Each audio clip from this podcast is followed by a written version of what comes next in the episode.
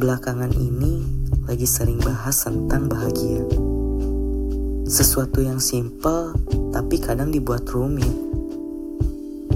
Karena bahagia itu bukan dijadikan sebuah tujuan, melainkan bahagia itu kita yang ciptakan.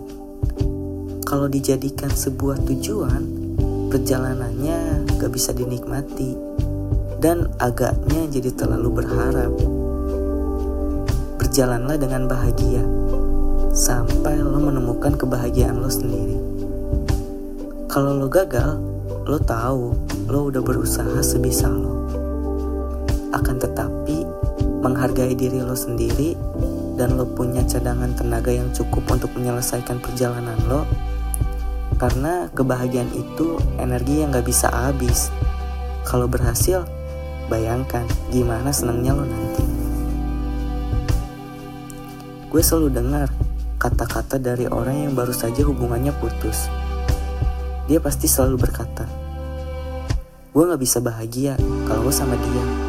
Itu pilihan. Lo bisa aja bahagia sendiri, tapi lo yang gak memilih itu kan. Kebahagiaan itu bukan untuk dicari, melainkan untuk diciptakan.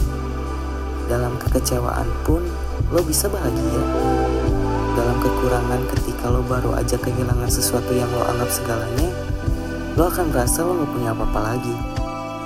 Ya sudah, kehilangan selalu punya dua sisi, yang kehilangan dan yang menghilang.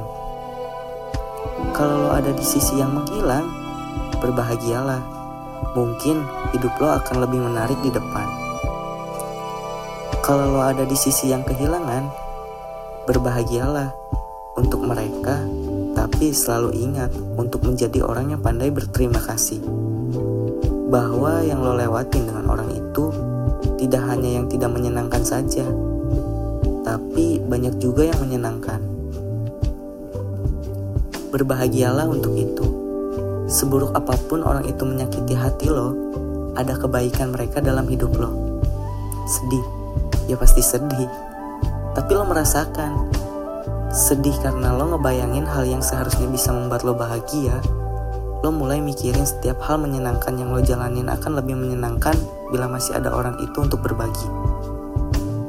Berbahagialah, karena lo masih bisa mengingat hal yang menyenangkan saat lo berada di posisi yang tidak menyenangkan.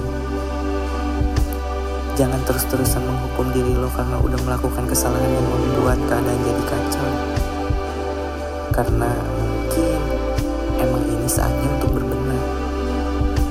Yang terpenting lakuin ini buat diri lo. Gak ada kok yang gak bisa disembuhin sama yang namanya waktu.